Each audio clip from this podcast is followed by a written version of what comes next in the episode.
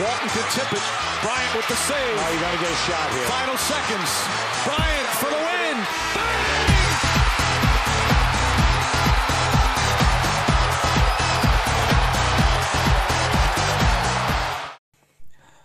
Welcome di episode kedua dari podcast Memphis Family Basketball.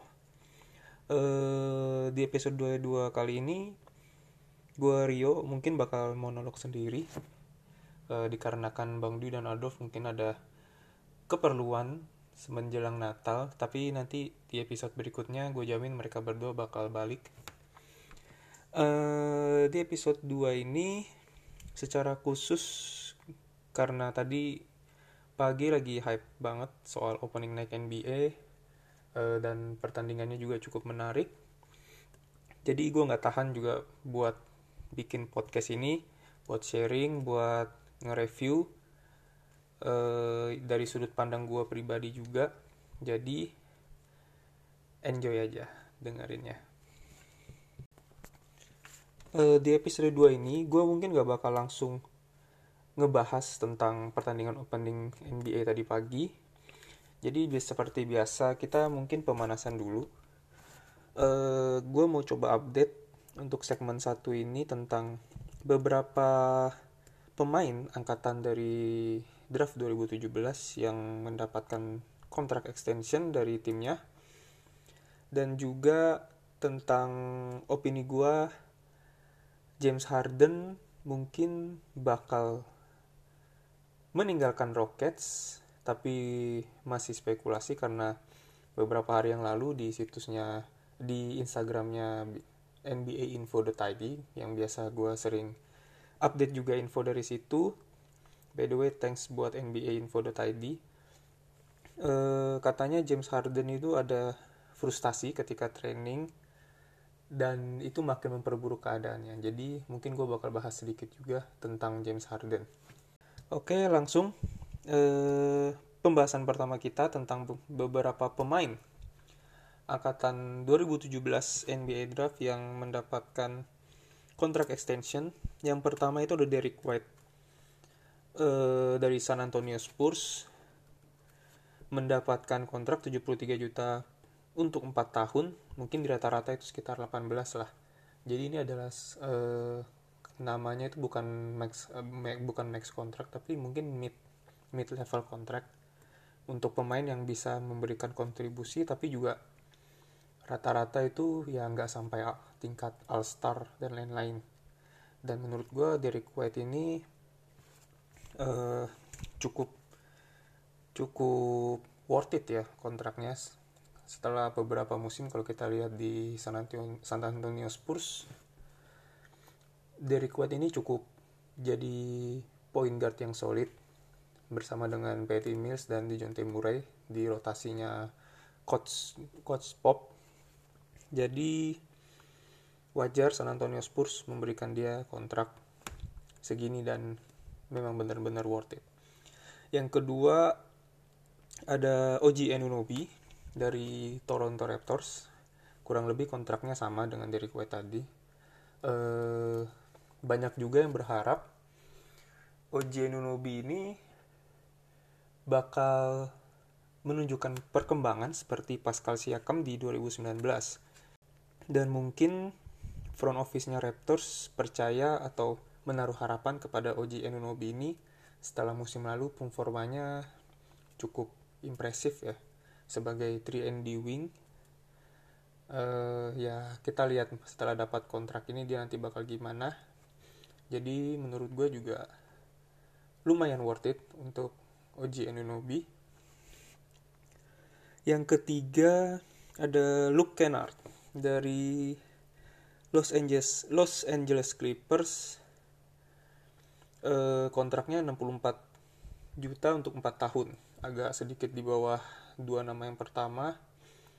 Luke Kennard ini diambil Clippers via trade kalau nggak salah. Jadi kalau nggak salah Clippers itu kehilangan Landry Samet uh, ke Brooklyn dan dari Brooklyn kalau nggak salah pemain juga ke Piston pokoknya itu tiga tim trade kalau nggak salah. Correct me if I'm wrong. Hmm, Luke Kennard ini dulu pas di Duke itu lumayan ya seangkatannya mungkin seangkatannya Brandon Ingram ya kalau nggak salah atau Jason Tatum. Eh bukan Jason ya sekitar seangkatannya itu itu termasuk player yang lumayan solid dari syutingnya. Tapi ya nggak bah ya mungkin potensinya mungkin cuma sampai role players jadi nggak begitu berharap banyak. Menurut gue jadi Kennard ini agak overpaid sedikit ya. Karena di Piston juga cuman ya so-so gitulah. Nggak begitu banyak kontribu nggak begitu gede wow banget kontribusinya. Jadi ya mungkin nanti bakal jadi bahan trade atau gimana Luke ini dari Clippers uh, untuk Luke Kennard ini jadi nggak ada yang bisa gue bahas karena gue juga jarang nonton. Uh, cuman menurut gue ya kayak tadi agak overpaid sedikit. Berikutnya ada Jonathan Isaac. Kontraknya sama dengan Derek White dan OG Anunoby 73 juta untuk 4 tahun. Mid level kontrak. Uh, Jonathan Isaac ini dari size dan wingspan atau tinggi itu juga cukup uh, panjang ya ibaratnya. Dari tingginya mungkin sekitar 6 kaki 10 sampai 11 inci dan wingspan-nya itu yang cukup gila juga. Jadi dia itu tipikal player yang versatile defense-nya. Dan musim kemarin juga kelihatan banget pas dia cedera Orlando Magic itu agak struggle di defense. Jadi potensinya Jonathan Isaac ini ada untuk terutama untuk all defensive team ya. Jadi menurut gue worth it uh, Jonathan Isaac dapat kontrak ini. Dan semoga ya untuk ke depannya dia bisa menambahkan senjata di offense-nya. Jadi bisa jadi two way player yang sangat berguna buat Orlando Magic musim-musim berikutnya. Yang terakhir ada Markel Fultz. Uh, mungkin buat yang denger episode pertama Markel Fultz ini gue sempat mention uh, gue pick sebagai mungkin salah satu MIP favorit gue karena gue juga punya alasan sendiri. Uh, Markel Fultz ini jadi dapat 50 juta per 3 tahun. Mid level ya seperti mungkin kurang lebih satu tahun seperti Luke Kennard uh, jadi uh, mungkin gue sharing sedikit kenapa gue berani milih Markel Fultz yang pertama itu karena dia mantan number one pick ya. Uh, mungkin beberapa juga dari history ada number one pick yang sangat bust cuman menurut gue Markel Fultz ini nggak termasuk ya. Uh, Markel Fultz ini kalau kita tahu atau kalau yang belum tahu gue mau sharing sedikit di 76ers awalnya. Dia itu jadi Markel Fultz ini terkena injury yang agak aneh ya namanya itu uh, sindrom outlet dada atau Inggrisnya itu thoracic thoracic outlet syndrome yaitu itu adalah eh, penekanan saraf atau pembuluh darah di antara pangkal leher dan ketiak. Jadi kalau misalnya lebih gampang itu di antara tulang rusuk dada kalian dan selangkah di bawah leher kalian. Itu ada penekanan saraf atau penekanan saraf atau pembuluh darah yang menyebabkan fung, uh, abnormal function di untuk movement dan range shooting dia. Makanya itu kalau kalian lihat di awal di Sixers pas ada itu video-videonya yang dia shooting dari free throw-nya ya awkward banget sih. Jadi ya katanya penyebabnya itu eh, karena trauma kecelakaan yang eh, karena trauma kecelakaan motor. Dari info dari agentnya. Katanya sih begitu. Jadi itu yang menyebabkan uh, syuting dia itu sangat-sangat struggle di awal. Tapi kalau kalian lihat season lalu, terutama setelah dia di trade ke Orlando Magic, uh, kalau kalian mungkin nggak lihat gamenya, bisa kalian lihat di highlight di highlightnya di YouTube. Itu Markel Fultz ini termasuk point guard yang cukup flashy, uh, berani untuk drive in ke basket dan tidak takut kotak fisik dengan center-center yang gede. E, karena size-nya dia juga lumayan dan wingspan-nya dia juga lumayan jadi dia berani untuk gitu. Dan shootingnya dia itu formnya juga cukup quick. Kalau kalian lihat mau lihat Markel Fultz potensinya itu pas di college itu gila banget lumayan. Untuk seorang college di universitas yang tidak begitu terkenal tapi dia bisa ngangkat universitas itu. Jadi Markel Fultz ini uh, juga kontraknya unik 3 tahun 50 juta uh, gue yakin sih uh, kesepakatannya itu antara dia dan Orlando Magic karena dia yakin dalam setelah tiga tahun dia bakal bisa dapat next kontrak kalau performa dia bisa balik dan meningkat sesuai potensi dia. Kenapa dia dipilih nomor satu di 2017 NBA Draft?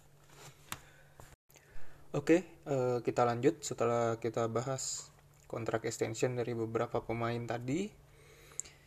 Kita lanjut ke James Harden yang diberitakan atau makin diberitakan bakal keluar dari Houston Rocket. Uh, eh, FYI juga uh, James Harden ini kontraknya masih sampai 2022 itu baru dia player option ya. Jadi mungkin sekitar masih ada dua tahun lagi buat tim yang mungkin nanti bakal ambil dia man, uh, manfaatin jasanya dari seorang James Harden.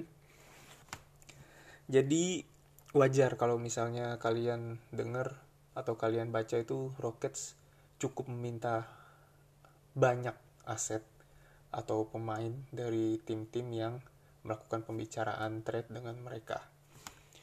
Nah, eh, di sini gue bakal lebih membahas tentang apabila James Harden benar-benar jadi di trade. Menurut gue pribadi ada dua tim yang mungkin bakal cocok dengan James Harden yang pertama itu Denver Nuggets. Mungkin kalian pada bingung loh. Kan Denver Nuggets ada Jamal Murray, udah ada Jamal Murray. Uh, ya gue tahu Jamal Murray itu pemain yang bagus. Tapi kalau lu bandingin dengan James Harden ya level permainan dan konsistensinya masih jauh James Harden banget dan Jamal Murray ya mungkin beberapa tahun ke depan lagi bakal menyamai atau mendekati levelnya James Harden. Tapi lu dipikir logik logik aja kalau lu suatu lu jadi GM punya kesempatan buat mendarat, mendapatkan satu superstar. Kita kesampingkan attitude-nya dulu atau egonya gimana ya lu pasti bakal pikir-pikir. Dan itu yang dipikirin GM-nya Denver Nuggets sekarang. Uh, kalau misalnya James Harden jadi di trade mungkin trade package-nya itu Rockets bakal minta Jamal Murray itu pasti. Dan bisa juga ada Michael Porter Jr. masih ada Bol Bol Gary Harris uh, point guardnya satu lagi siapa itu? Yang Morris juga kalau nggak salah namanya Morris dan beberapa future pick itu pasti atau mungkin mereka bakal memberikan tidak memberikan Jamal Murray tapi lebih memberikan banyak aset ke depannya untuk Rockets. Uh, jadi di Denver itu nanti siapa tahu bisa bakal terbentuk big three Jamal Murray, Harden dan Nikola Jokic yang pasti ya kalian bisa bayangkan offense-nya nanti bakal gimana menakutkannya. Cuman yang jadi masalah adalah defense-nya. Cuman nyisain berarti Paul Millsap yang udah cukup aki-aki masuk panti jompo. Jadi ini uh, ya mungkin bisa jadi win-win solution ya.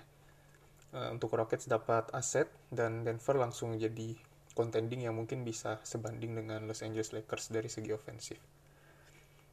Yang kedua, ini favorit gue, James Harden di trade ke 76ers. Uh, jadi kalau kalian sering nonton James Harden dari sejak dia di OKC akhirnya pindah ke Rockets dan jadi alfanya di sana center paling bagus yang pernah main sama James Harden itu cuman Clint Capela The Howard itu pasca cedera jadi mainnya amburadul jadi menurut gue masih mending Clint Capella ya kalian bisa lihat pas Clint Capella dikasih aliup mulu sama James Harden.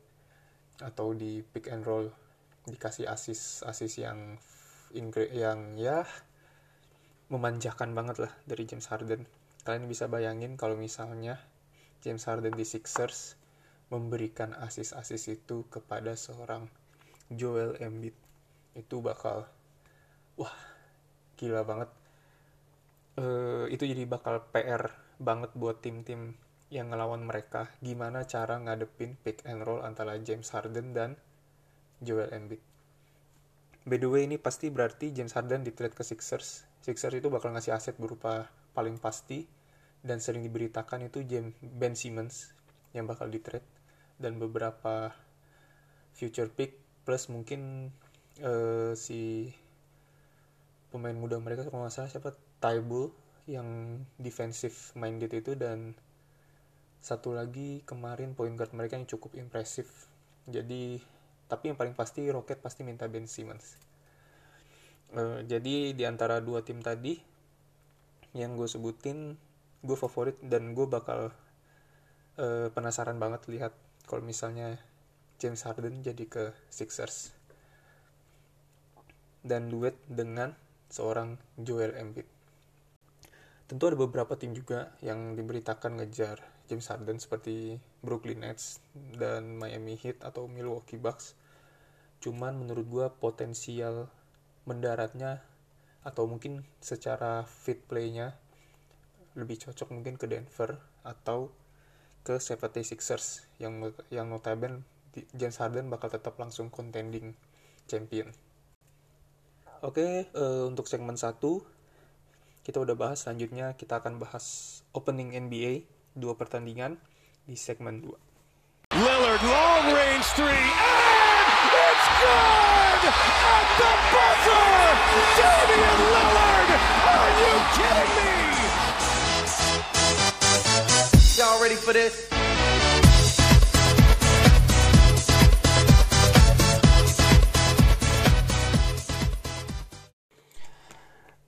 Uh, balik lagi di segmen 2 Memphis Family Basketball Podcast.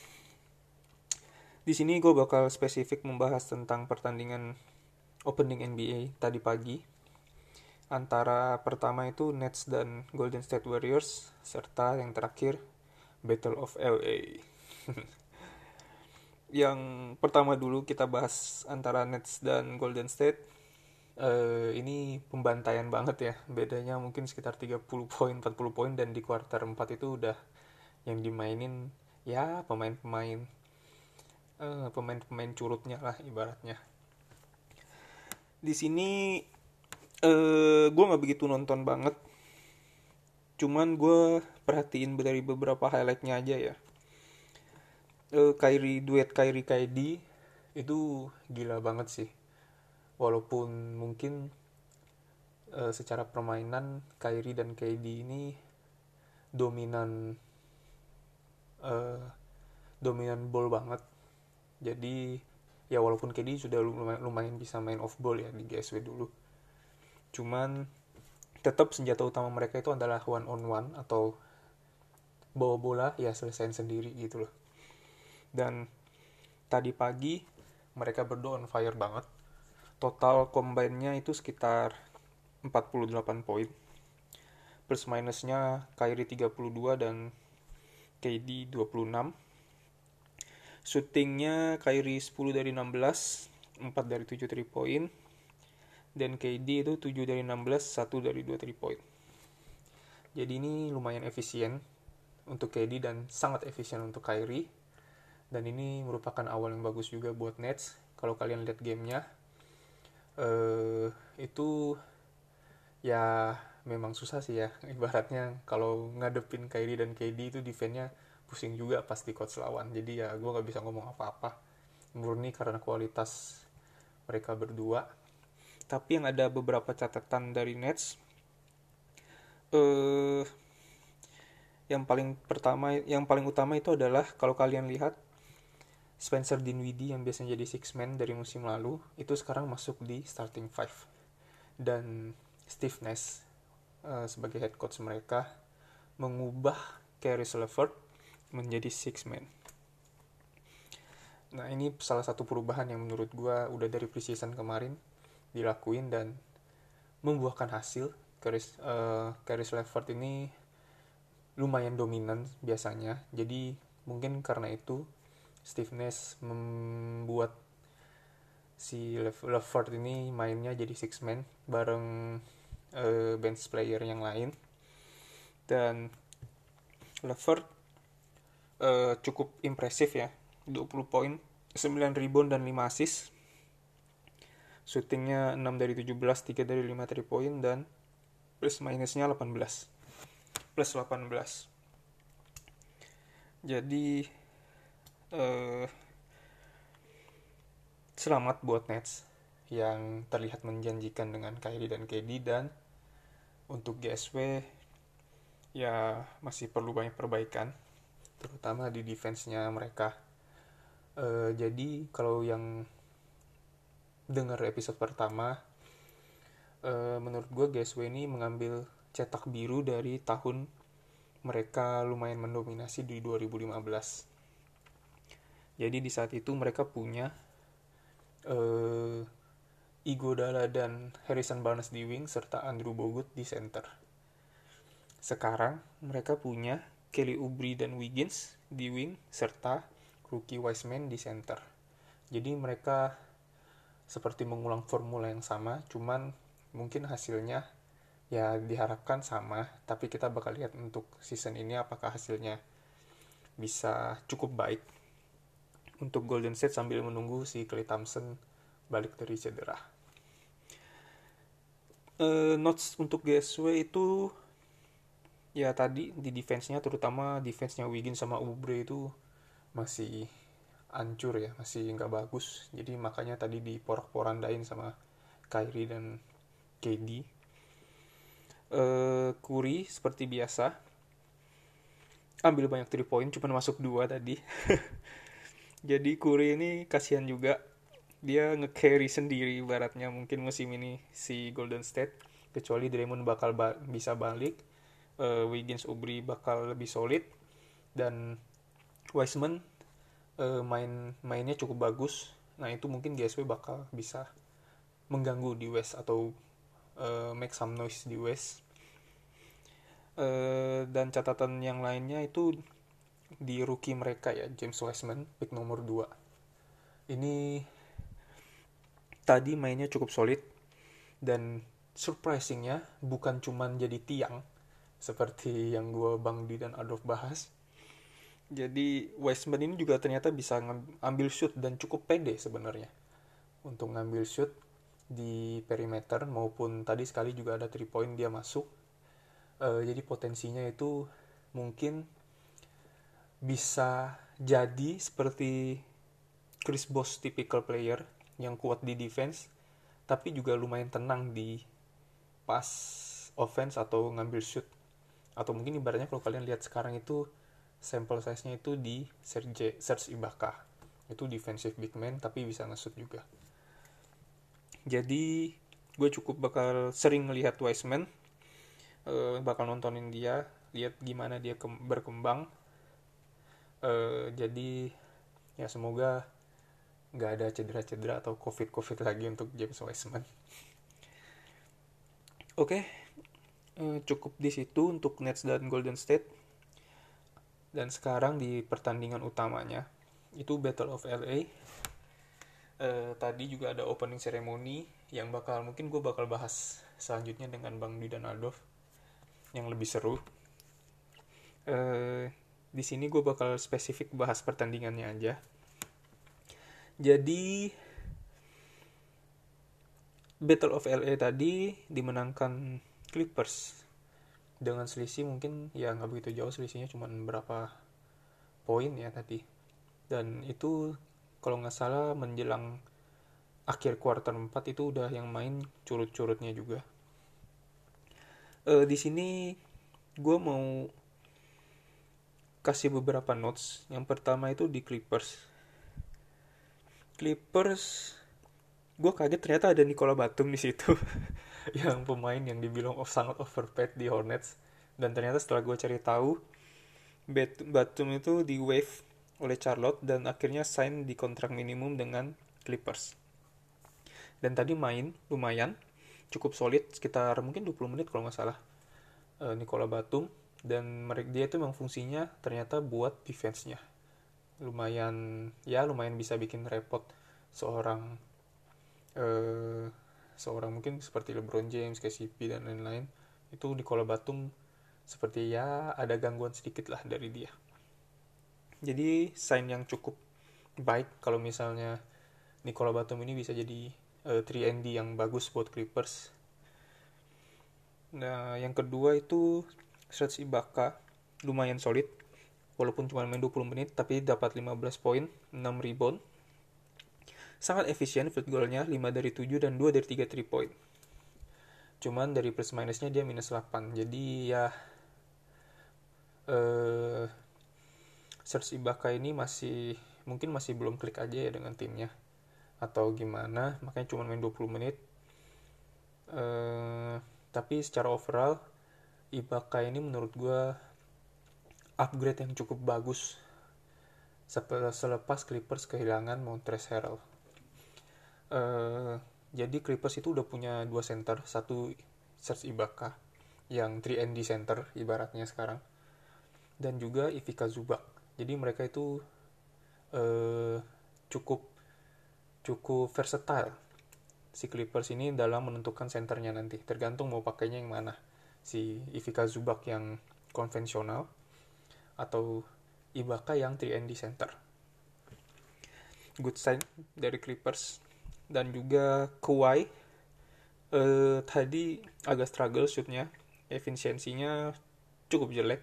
26 poin tapi dengan 10 dari 26 shoot 1 dari 8 3 point. Dan plus minusnya cuma plus 1 jadi performa yang biasa aja dari Kawhi atau sedikit di bawah uh, standarnya dia. Dan itu juga karena ada ya nanti gue bahas karena dia di, di defense AD sih. Jadi ya cukup masuk akal kenapa dia struggle. Dan bintangnya malam ini itu adalah Paul George. Pandemic P kalau kata orang setelah playoff kemarin. Dia dapat 33 poin. Paul George malam ini uh, syutingnya sangat sangat efisien 13 dari 18 cuman meleset tiga cuman meleset 3 shoot. Dan tiga tiganya itu dari shoot 3 point dia yang meleset 5 dari 8 sisanya in tune in semua.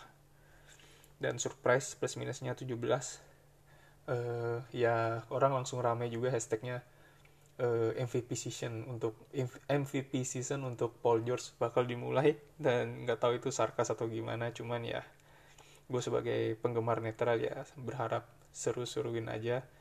Pemain-pemain banyak yang perform jadi NBA makin seru.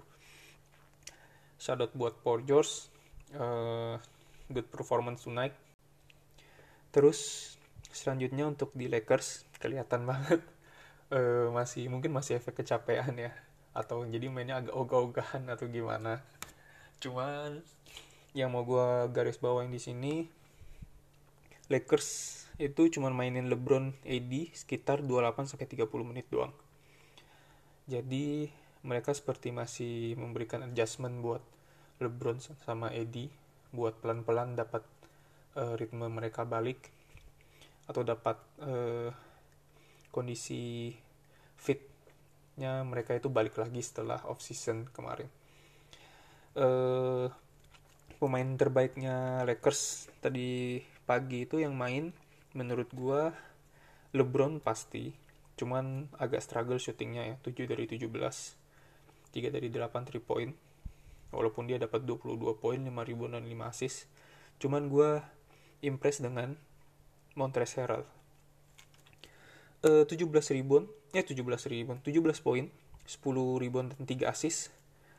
6 dari 7 field goal sangat sedikit tapi kontribusinya sangat nyata itulah Montrezl Harrell uh, pemenang Six Man tahun lalu uh, dan bersama yang struggle itu justru rekrutan yang lain itu Dennis Kruder 14 poin 12 rebound pemain kecil dapat 12 rebound dan 8 assist. Tapi shootingnya sangat struggling, 30%. Cuman 5 dari 15. Jadi uh, mungkin Schroeder ini ya belum terlalu cepat menurut ya. Cuman menurut gue memang bagusnya sih memang di jadiin six man aja sebenarnya. Karena untuk starting five-nya Lakers itu menurut gue udah pasti LeBron itu point guard aja. LeBron itu point guard aja. Uh, terus ada dua shooting guard yang bisa defense. Itu satu pasti KCP dan kedua gue berharap justru ke Wesley Matthew. Itu 3 dua-duanya dan kadang bisa drive in juga. Jadi itu cocok banget buat gameplaynya LeBron. Nah, sisanya itu ya pasti power forwardnya AD. Eh, FYI juga AD tadi mainnya lumayan ya seperti Edi yang biasanya cuman ya plus minusnya dia minus 16 dia dapat 18 poin 7 rebound dan 2 assist 8 dari 15 shooting uh, balik lagi tadi di centernya nah ini makanya yang gue bingung dengan centernya Lakers. Itu Mark Gasol tadi nggak banget mainnya. Belum apa-apa udah cukup berapa kali fall tadi. Jadi mainnya juga nggak begitu banyak. Uh, dan akhirnya Herald yang perform.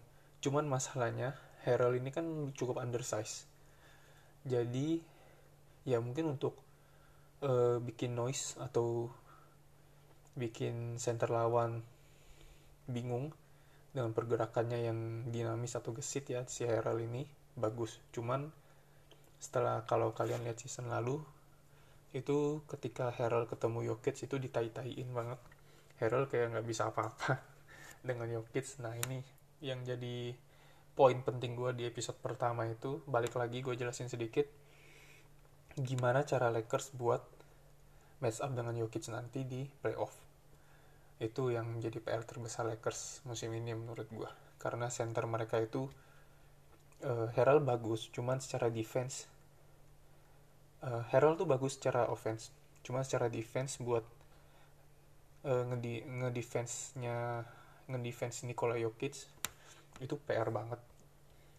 Dan buktinya itu udah kelihatan di season lalu ketika Clippers secara mengejutkan kalah yaitu gara-gara Harrell nggak bisa ngejaga si Jokic gitu. Jadi ya menurut gue masih belum bisa dinilai uh, Lakers ini nanti gimana apakah Harrell ini rekrutan yang bagus. Cuman sejauh ini kalau buat six man bring the energy dari bench itu Harold bagus banget.